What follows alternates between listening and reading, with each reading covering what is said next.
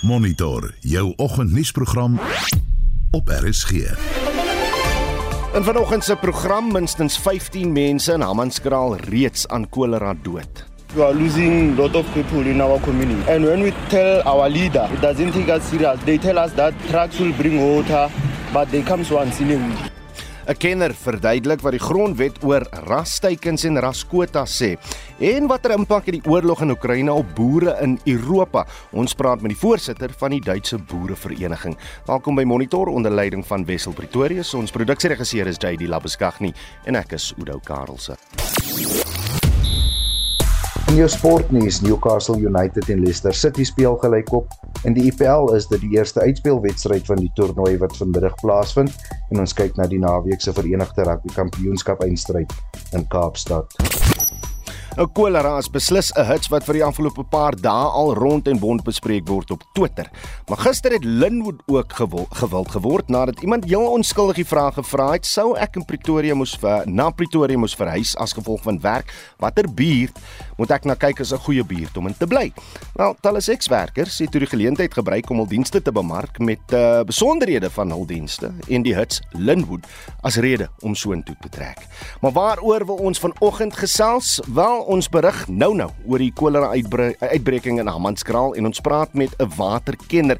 Intussen wil ons by jou weet, drink jy kraanwater of suiwer jy dit eers? Indien wel, hoe doen jy dit? Gaan kyk maar op die Facebookblad. Jy sien as baie mense wat, wat weggedraai het van van kraanwater af en hulle gee hulle redes daar. Maar kom ons gesels bietjie stuur 'n SMS na 4588919 R50 per boodskap en jy kan kan ook lekker saamgesels op die Monitor en Spectrum Facebookblad. Bye. Dis 11 minute oor 6. Die aantal mense wat in die Jubilee Hospitaal in Hammanskraal buite Pretoria weens kolera gesterf het, het tot 15 gestyg. 41 kolera gevalle is in die land bevestig met 34 van die van Hammanskraal. Die hospitaal ervaar sedert verlede Vrydag 'n toestroming van pasiënte vanaf Kanana, Majaneng, Suruman, Greenfield, Carousel View en Sekampaneng. Inwoners is gewaarsku om op te hou om kraanwater te gebruik. Die bron van die uitbreking is steeds onbekend. Mitsi van der Merwe doen verslag. Personeel by die Jubilee Hospitaal het sedert verlede week hulle hande vol gehad toe pasiënte met maagkrampe, diarree en naait opgedaag het. Die situasie het Vrydag toegeneem toe 6 pasiënte se dood bevestig is. Die getal het oor die naweek en maandag tot 15 gestyg. Die gemeenskap is benoud. Hulle het ophou kraanwater drink en bewering dat watertank waans besmet is, het hulle selfs meer ontstel. We are losing a lot of people in our community. And when we tell our leader, it doesn't take us serious. They tell us that trucks will bring water, but they come once in a week. Government is failing us and they don't care about us. And the first thing is safety. The water is important and it's very, very important for the communities. Two weeks I was sick. I was having the stomach cramp, but I don't. I didn't know that is that water. But now today I, I know that is the water. Die nasionale regering het pogings aangewend om die uitbreking te beperk en te beheer. Die adjunkministers van water en sanitasie, David Mahlobo en gesondheid, Sisibongi Seni Dlomo, het die fasiliteit besoek. 'n Bevelsentrum wat uit verskeie departemente bestaan, insluitend die polisie, die weermag en maatskaplike ontwikkeling, is ook gestig.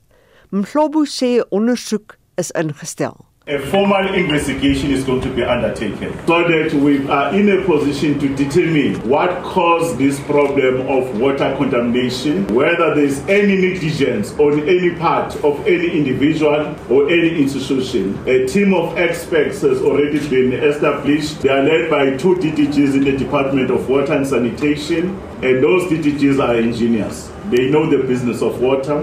They will be able to look at all the sources that this city of Tshwane they are able to get water in the main, the Mahadi system, the rainwater system, and the system itself that is managed by Swane that deals with the Otemba water treatment works. Die stad Tshwane se Temba Fosi sê hulle Temba waterbehandelingsaanleg is siektevry.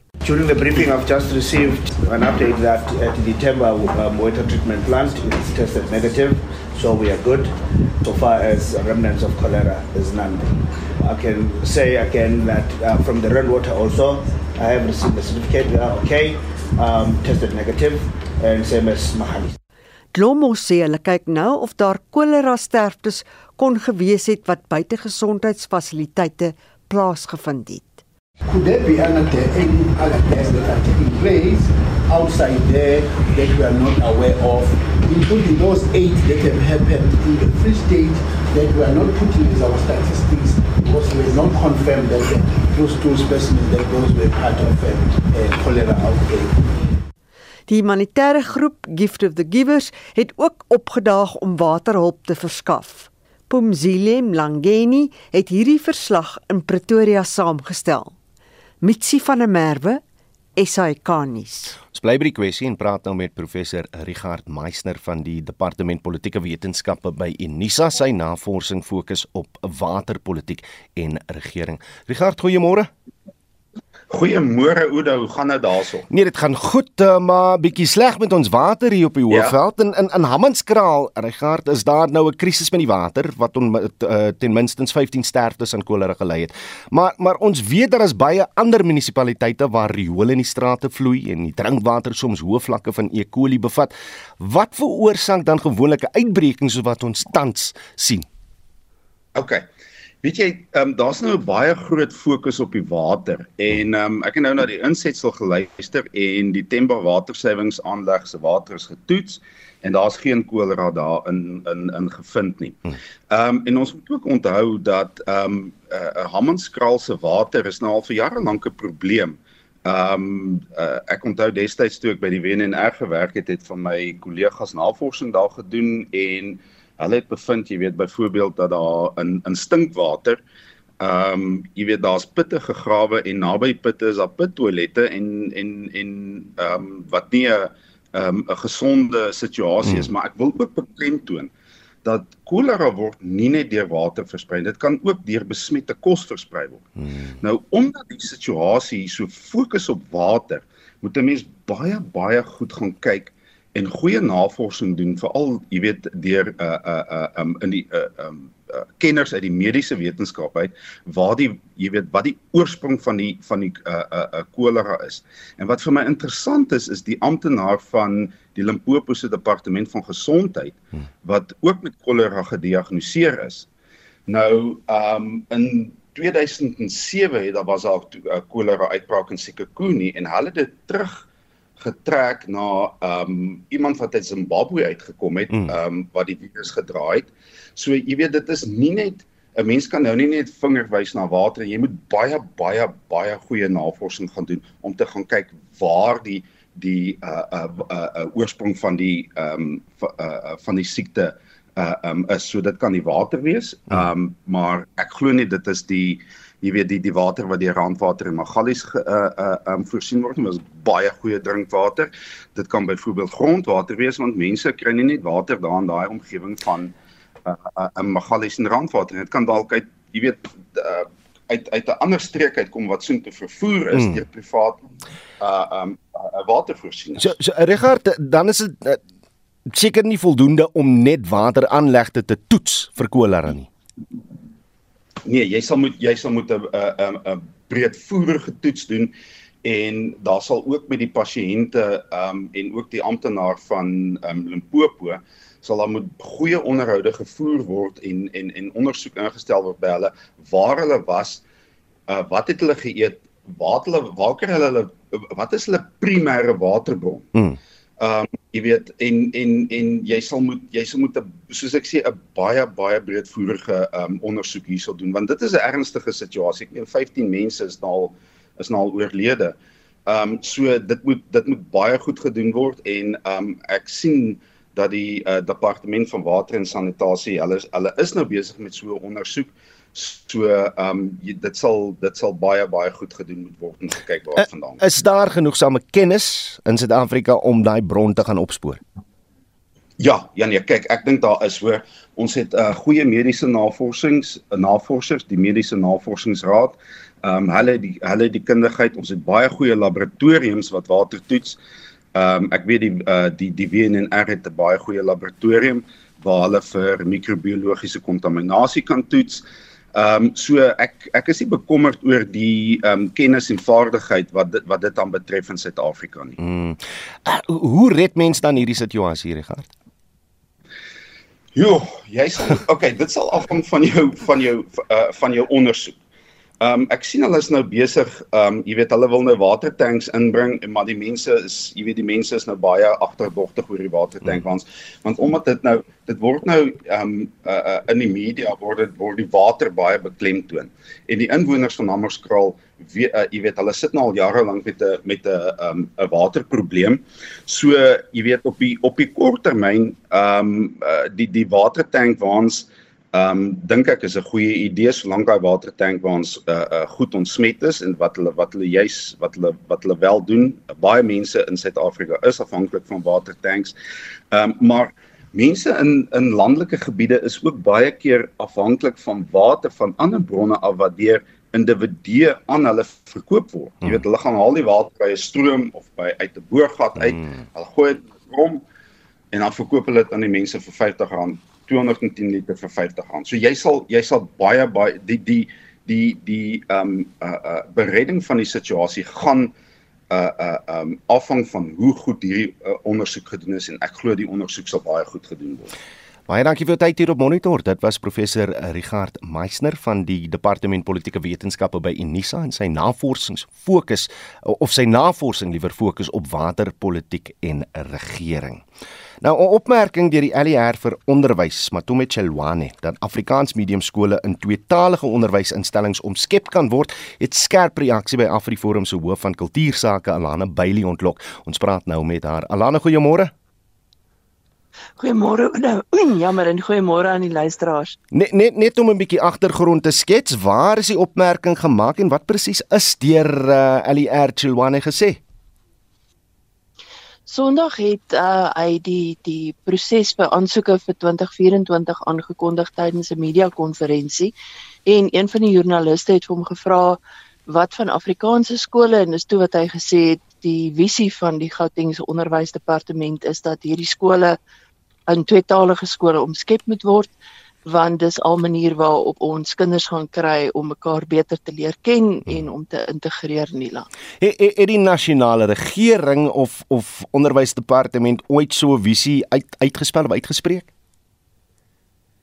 Daar was al in die verlede soortgelyke opmerkings deur die minister van onderwys en ons sien ook dat die huidige uh, wetsontwerp, die sogenaamde Bela wetsontwerp wat nou tans openbare um, insette oop is, um eintlik maar baie soortgelyke uh, geleide maak. Byvoorbeeld daarin word gesê dat waar die geval nou is dat ouer beheerliggame die taalbeleid van die skool kan bepaal, word daar voorgestel in hierdie wetsontwerp dat die um, onderwyshoof in elke provinsie die finale sê moet hê mm. oor die taalbeleid van 'n skool. So dit sal beteken dat Cheluhani dan byvoorbeeld in Gauteng kan besluit wat die taalbeleid van 'n skool kan wees.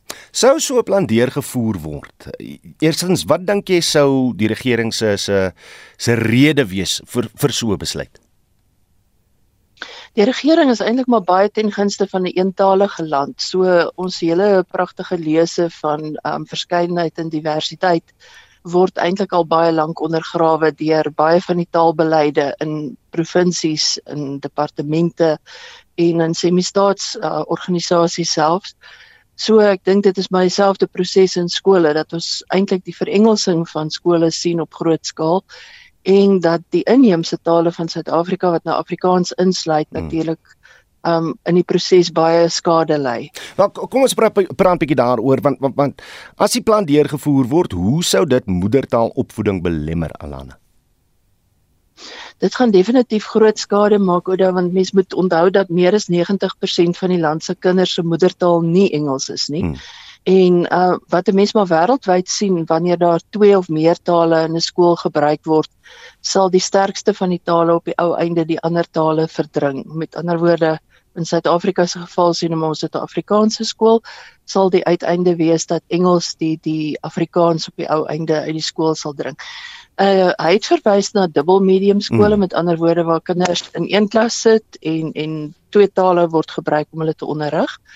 Maar ehm um, die ander model is parallel medium waar jy twee strome in die, in die skool het en verskillende klasse vir die verskillende mm, tale. Mm, mm. Nou met dubbel medium vind daai verengelsing vinnig plaas, maar met parallel medium vind dit ook maar plaas net op 'n bietjie stadiger trant. Wie ek, ek ek wonder net hoe dinge nou verander het oor die jare toe ek nog in, in die 80er jare op skool was, was hierdie parallelstelsels soos jy nou gesê het uh, in werking en en in elke graad het jy byvoorbeeld 'n Engels en Afrikaanse onnie vir elke vak gehad. En en as ek nou kyk na die woonbuurt waar ek groot geword het, is daai taalgemeenskap nog steeds in die meerderheid Afrikaans in al hy skole. Dit uh, is dit nie 'n moontlike oplossing as as die regering wil hê dat dat skole meer toeganklik aan alle gemeenskappe is nie. Ek het ook begin my my skoolloopbaan in so 'n parallel hmm, medium skool, hmm. maar um, na 2 jaar het ons toe omgeskakel waar daar 'n nuwe skool gebou is, juis oor daai rede dat dat hierdie skole baie dikwels baie vinnig vir Engels en om dan vir meer kinders in moedertaal toegang te gee. So dit bly maar die ideale oplossing hmm. dat jy enkel medium skole het waar soveel kinders as moontlik in moedertaal onderrig kan word en waar die toekoms van daai skool definitief in daardie taal um, beskikbaar gaan bly. Reg, as daar er enige aanduidings is dat uh, die Gautengse departement gaan deurdruk met hierdie plan, wat gaan AfriForum dan doen? Daar was in die verlede al ja, maar daar was in die verlede al ehm um, regsaake gewees byvoorbeeld in 2018 het die grondwet hof uitspraak gegee in die hoërskool oorval saak dat 'n skool die reg het om enkel medium onderrig aan te bied. En ehm um, ons sal definitief terugval op daardie uh, regsuitsprake en sorg dat ons die kinders se reg tot moedertaalonderrig beskerm. Lana Bailey is hoof van kultuursake by AfriForum. Baie dankie vir u tyd hier op Monitor. Openbare teenstand is aan die opbou teen die wysigingswet op gelyke indiensneming terwyl politieke partye en organisasies met hofaksie dreig. Dit is as gevolg van 'n nuwe rasteiken in konsep wetgewing wat pas gepubliseer is. Die minister van Indiensneming en Arbeid, Tulas Ngesi, het vroeër omstrede konsep regulasies gepubliseer wat streng rasteikens vir die vier hoogste posvlakke in 18 sektore stel. Dit sal geld vir ondernemings wat meer as 50 werknemers het. Nou ondernemings wat nie binne 5 jaar die nodige veranderings aanbring nie, sal beboet word. Ons praat nou hieroor met die grondwetkenner aan die Universiteit Kaapstad, professor Pierre De Vos. Pierre, goeiemôre. Goeiemôre. Die konsepregulasies is op 12 Mei in die Staatskoerant gepubliseer en die publiek het 30 dae om kommentaar te lewer voordat dit wet word. Nou, volgens minister Nesi is die voorgestelde teikens uitgewerk in verhouding tot die demografie van ekonomies aktiewe bevolking nasionaal en dan in elke provinsie. Maar herinner net weer, wat sê ons grondwet of enige ander wetgewing oor aksie wat histories regstellend is en oor rasteikens en raskwotas? Ja, wat die die die wet op diensbillikheid wat mens lees saam met die grondwetlike hof se uitsprake oor hierdie sake sê dit is heeltemal aanvaarbaar om 'n uh, rasse uh, of of geslagtelik uh, regstellende aksie te hê. Jy kan teiken stel wat sê net maar oor 5 jaar is ons teiken om soveel mense te hê in ons uh, onderneming wat wit is, swart is en hmm. so aan. Dit kan nie 'n kwota wees nie en dit kan ook nie ehm um, uh die gevolg hê dat 'n uh, persoon van wie sy ras sê nou maar of haar ras hmm. nie bevorder kan word of nooit in diens geneem kan word nie en dit ek kan dit kan nie te rigied wees nie. Hmm.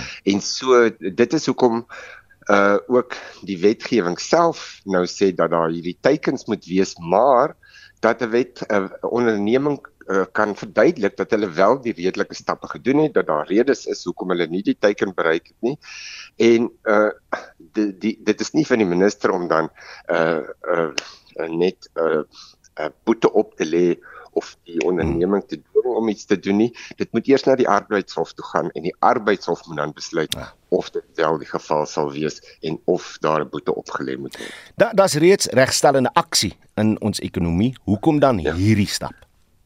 So dit is deel van dieselfde ehm um, regstellende aksie uh wetgewing. Die verskil nou is dat in die oorspronklike wetgewing het die onderneming, die werkgewer het besluit watter teikens daar is vir vir haar uh onderneming. Hmm. So hoeveel oor 5 jaar hoeveel mense wil jy hê wat swart is, uh, African colored Indian en wit en gegee nou die die kategorie wat gebruik word. Nou word hierdie uh, regulasies, die die konsepregulasies wat afgevaardig is, hulle sê nou ehm um, vir elke sektor en vir elke uh, senior uh, uh, verskillende vlakke van senioriteit dit is vir hierdie sektor die teken jy moet dit in jou in jou herstellende aksieplan sit ongeag van wat in jou persoonlike onderneming nou aan die gang is. As jy nou Sondag koerant gelees het, sou jy seker 'n bietjie aan jou koffie eh, verstik het want seker koerantberigte het verwys na navorsing deur Solidariteit en aangevoer dat 'n half miljoen wit brein en indeer werknemers binne die volgende 5 jaar werkloos sal wees. Uh, is dit 'n moontlikheid, Peer? Nee, dit is nie want die die wet maak dit baie duidelik en die arbeidshof het ook baie duidelik gemaak. Dit is onwettig om iemand af te dank om 'n regstellende aksieplan in werking te stel. Hmm. Die dit jy kan dit nie doen nie. Dit, dit jy kan nie 'n wit persoon afdank afdank om 'n swart persoon aan te stel sodat jou tekens ehm um, bereik kan word nie. Ehm um, dit sou dit sou so dat dit dit sou nie kon gebeur nie. Ehm um, natuurlik daar is soos altyd is die die as die wetgewing verkeerd toegepas hmm. word hmm. dan sou daar ehm um, dan sou daar miskien druk wees om nie meer wit persone of uh, gekleurde persone in diens te neem nie. Ehm um, en dan sou mens jou na die arbeidshof toe moet wend om uh, om om dit reg te stel maar so jy die reg aan jou kant hmm. um, en natuurlik dit, dit beteken nie noodwendig dat dit uh altyd uh tot die letter nagevolg sal word. Het, het, in ons gesprek is dit die eerste keer wat ek hoor oor, oor hoe groot 'n rol die arbeidshof gaan speel want in elke ander geval waar ons hier, oor hierdie indiensneming uh wysigingswet praat, sê mense die die die oorsig mag is is te veel in die hande van die minister. Ja. So daar's een uitsondering en dis 'n belangrike uitsondering wat vir my nogal kwel en hmm. dit is daar's die die die arbeidshof is die is die instansie wat besluit of 'n boete opgelê word of die onderneming ehm um, beveel sal word om meer te doen. Maar daar's ook die BEE sertifikaat hmm. om om met die staat 'n uh, tender te kry of so. Moet daar 'n sertifikaat uitgereik word deur die minister. En as die as die teikens nie bereik is nie, en uh daar's nie 'n verskoning daarvoor nie en dit is die minister wat dit besluit dan kan die sertifikaat nie uitgereik word nie. So dit laat natuurlik die moontlikheid van korrupsie hmm. uh ook want want as die minister daai goeders nie regverdig toepas nie, dan kan hy of sy maklik ondernemings diskwalifiseer van deelname aan tenderprosesse. Ehm um, so dit dit dit is 'n dit is 'n vir my is dit eintlik die die een behalwe wat in die tabelle is, is dit die een groot probleem uh, met hierdie um, spesifieke amendement. Mag dalk 'n bietjie van 'n onregverdige vraag wees, maar maar hoe moeilik of maklik sal dit wees om hierdie wet as hy wetgewing word in die hof teen te staan? Dis op die oomblik sal dit sal die, die wysigings in die wet self dit sal nie maklik uh grond, ongrondwetlik verklaar kan word nie want uh soos die wet staan dit sê daar is jy mag nie kwotas hê nie daar is daar kan fleksiteit uh, jy weet flexibility wees mm.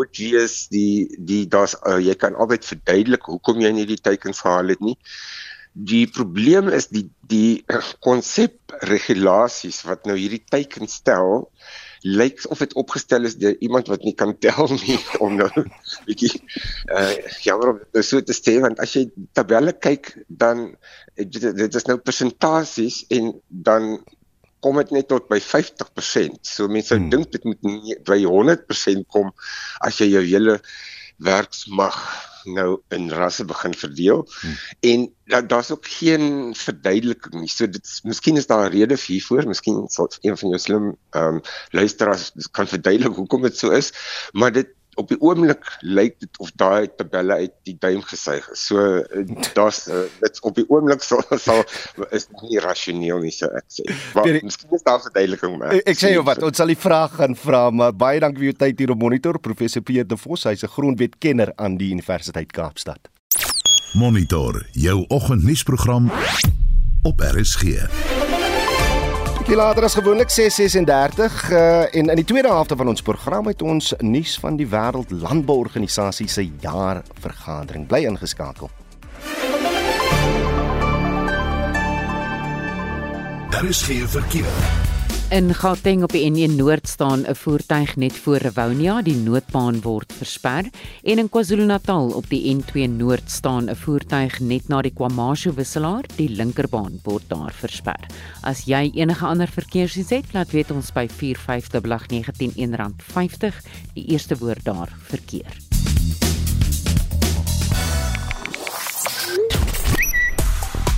Reg ons het in uh, die eerste halfuur berig oor die kolera uitbreking in Hammanskraal. Ons het met 'n kenner gepraat uh, presies oor waar die uitbreking dalk da vandaan kan kom. Intussen wil ons by jou weet, drink jy kraanwater of suiwer jy dit eers? Indien wel, hoe doen jy dit? Edlin Quincy Lahak sê op Facebook: "Ons drink met graagte kraanwater, maar dis die een wat uit 'n boks uittap. Die water hier in Concordia Nysna is nou al 2 weke baie bruin wat uit die kraan uitkom. Geen mens kan dit drink nie. Ehm um, Anita Alkin sê net kortliks, ons koop drinkwater. Linda Jacob sê ek koop al vir baie jare water. Uh gebruik dit net vir kook en my ketel en nie uh ek of my man drink water nie. Glad nie. Hoe nou? Seker jy jy bedoel glad nie kraanwater nie of hoe. Ehm um, Kobie Gou sê lekker op ons plaas, gesonde water, nie kook nodig nie, vars uit die boorgat uit. Isel Roos sê nou wat van boere langs die Apies rivier wat besproei en vee wat die water drink. Uh Marie Kriege burgers uh, burger sê ons dorp se water kom van randwater. Ek drink dit al 45 jaar en het nog nooit iets daarvan oorgekom nie, net soos hy uit die kraan kom. Ons dorp se reservoir is elke uh 6 jaar gevandaliseer, so die water loop direk in die waternetwerk van die dorp in, direk uit die Vaaldam van Bloemendal af.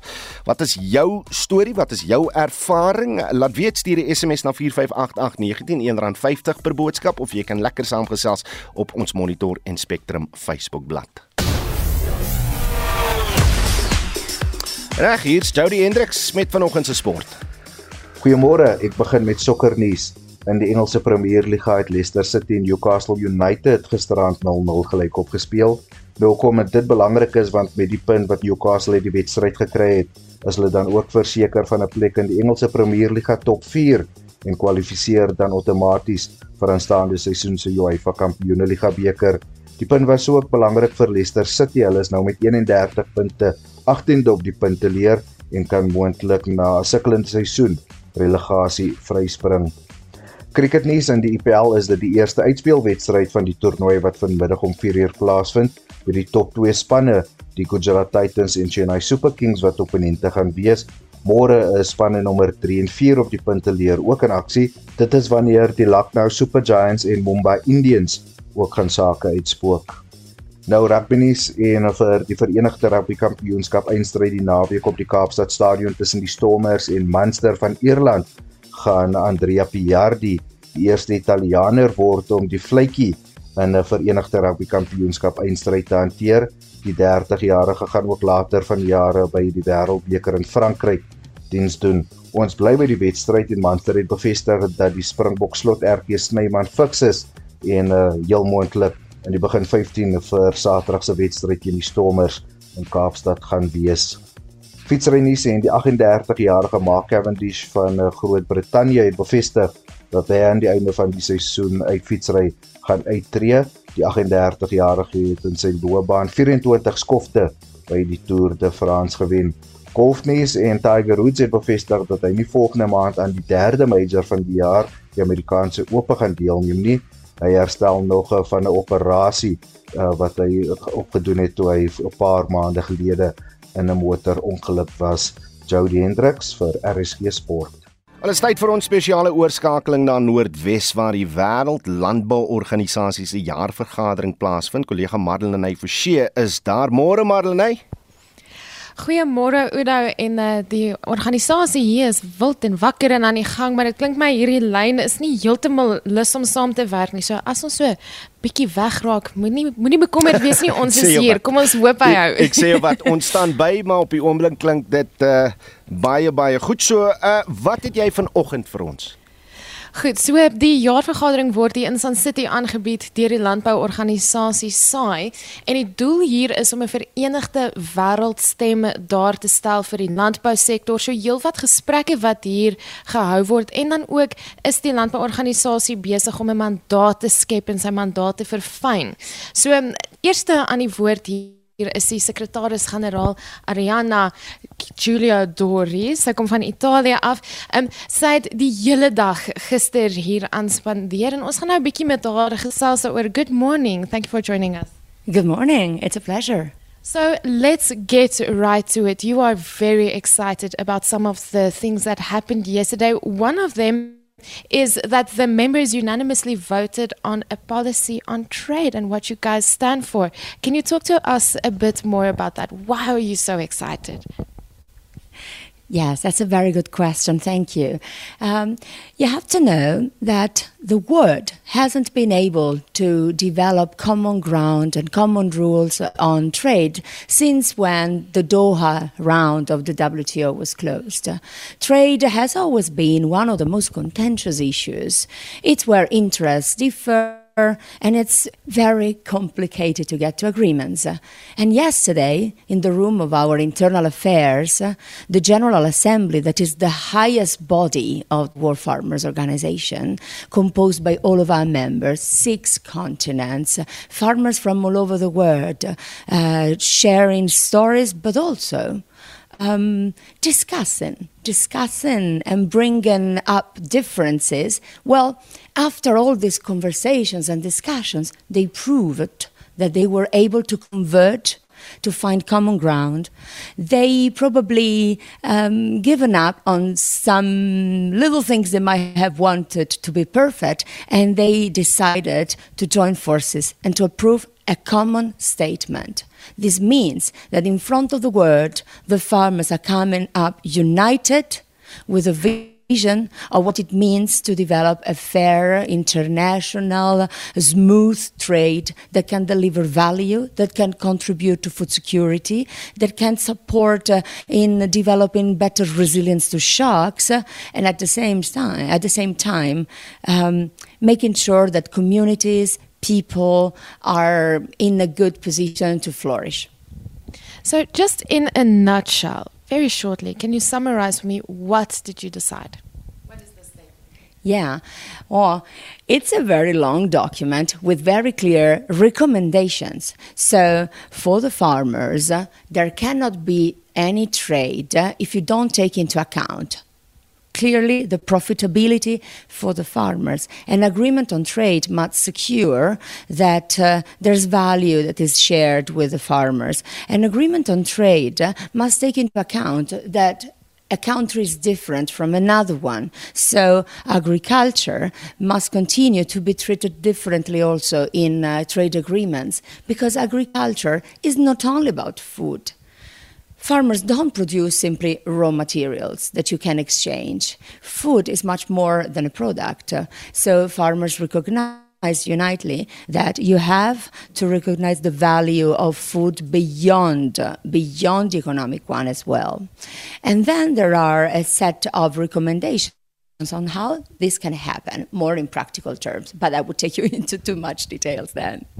You are speaking about food and this is one of the things that also were discussed yesterday especially food that are created in laboratories and how the world's farmers feel about that. Can you tell us what happened yesterday concerning that well, sure. It's very simple. This is not food. And farmers agreed that if you want to do something and create substances uh, in a laboratory out of cells, uh, well, you can do it for sure. Farmers are always in favor of innovation, of science, and advancing, but be aware that this is not food. Food comes from the work of our farmers on the land, on the water, for fisheries. Uh, this is not food if it doesn't come from the work of a farmer. Is there an official statement on this, or are you still working on it? Still fine tuning, and uh, I'm very hopeful that tonight we will get there. And then, just before we move on to the next discussion, you also spoke about the carbon market. What happened there? Again, unanimously, the farmers approved a position on how we would like to see carbon market that's being developed. This is a, um, an emerging topic in the developing world and still um, much more under discussion uh, in the developed one. But farmers agree that we need uh, clear principles for all so that carbon markets could develop again with the farmers at the center and value for the farmers in it. Just quickly tell us what is the carbon market for people who aren't aware of it? Yeah. In the climate change debate, there's an opportunity that is delivered by one of the articles, Article 6 uh, of the Paris Agreement. Again, let's leave all the technicalities aside, but that recognize that one of the things that can happen is that we can store carbon and uh, this carbon can be exchanged like and become a value. There can be the possibility even to trade uh, carbon carbon credits but so far it has been used mostly by big industrial uh, companies. Um, now farmers and uh, uh, farmers are are trying to understand uh, in some countries or are already developing in others markets that are also able to see them taking part uh, into this kind of trade. But the problem is that sometimes it's not easy to measure the carbon that is stored by the farmers. So I would say that first, this message that goes out of the General Assembly is important because it recognizes the role of the farmers in this market. It's important because it underlines that we still to do more in terms of data, data that are available. We don't have data in too many countries of the world to be able to proceed on that. And it gives a sign of the farmers at the forefront of the fight against climate change.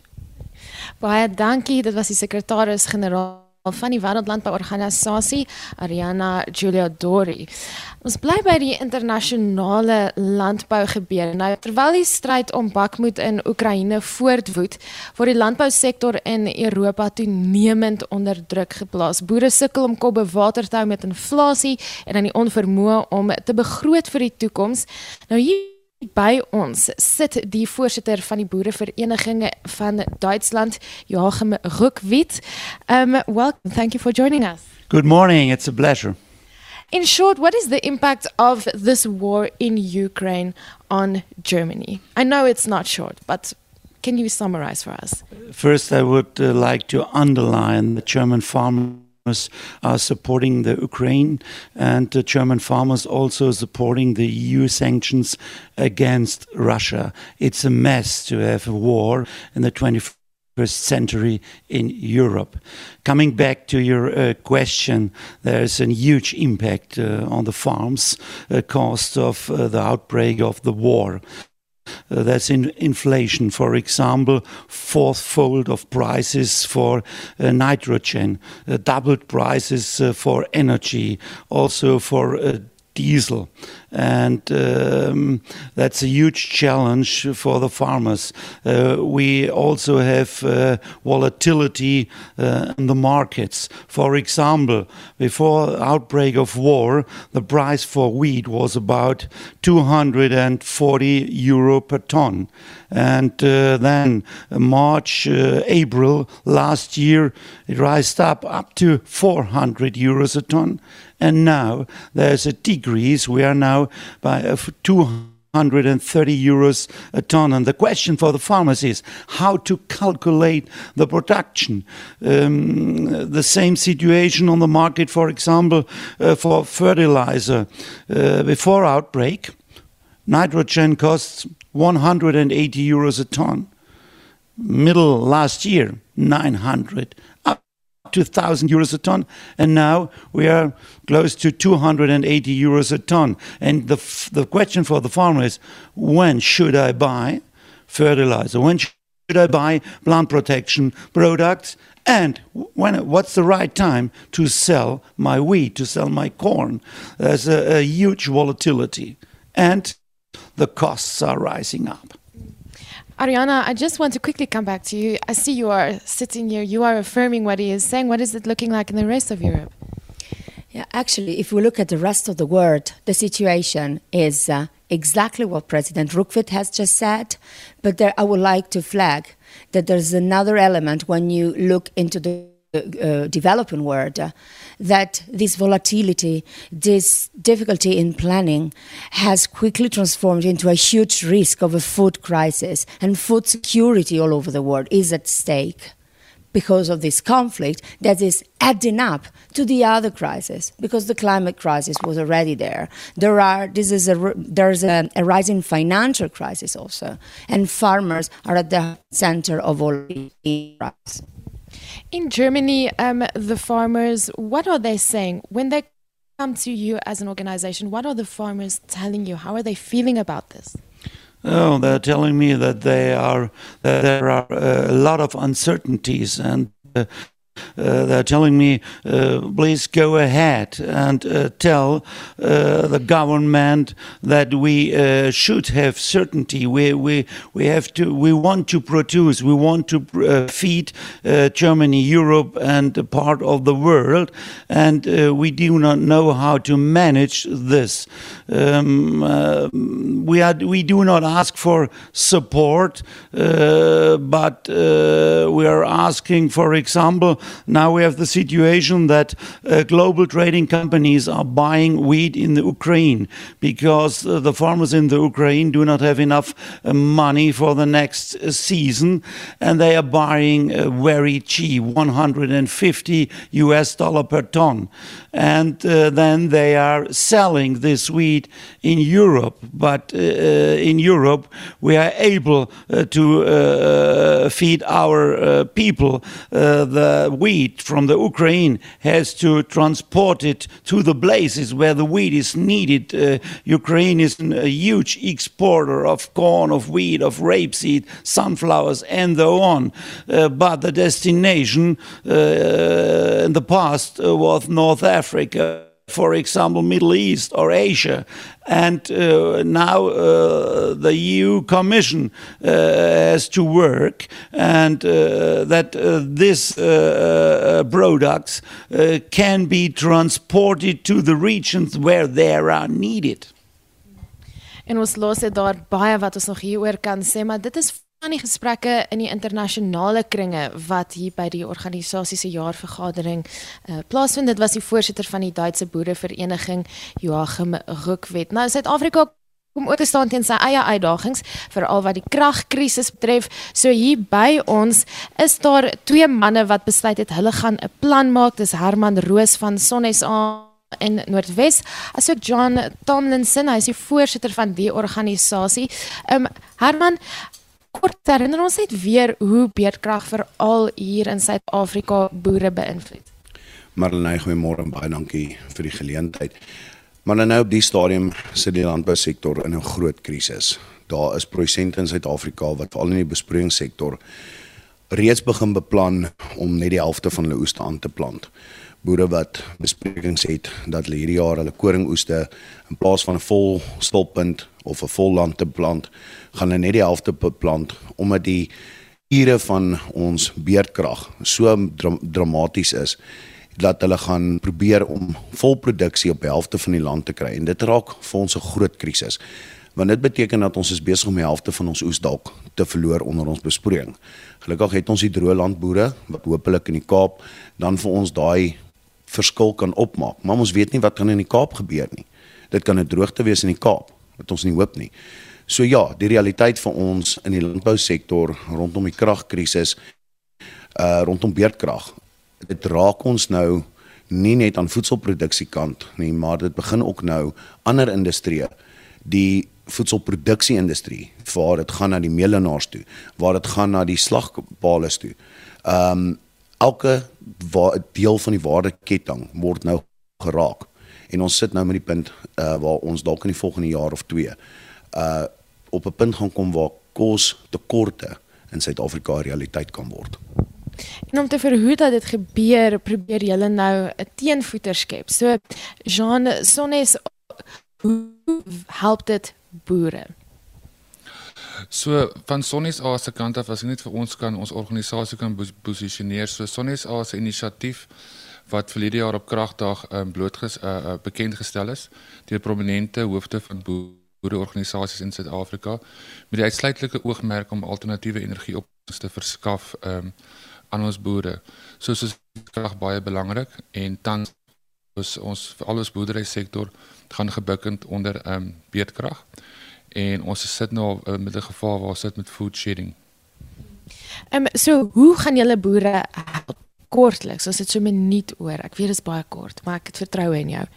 So ons het van Sonnies A se kant seker gemaak dat ons ehm um, die regte ehm um, installeerder kry of IPP independent power producer en seker maak dat as hulle bekendstel aan die boere dat die boere weet dit sal die, die eerste keer gedoen word en reg gedoen word en ons het vasgemaak een van die top 5 grootste IPP's in die land wat al oor die laaste 10 jaar duisende installasies gedoen het wat ook met munisipaliteite werk en, en ook met Eskom in terme van wheeling.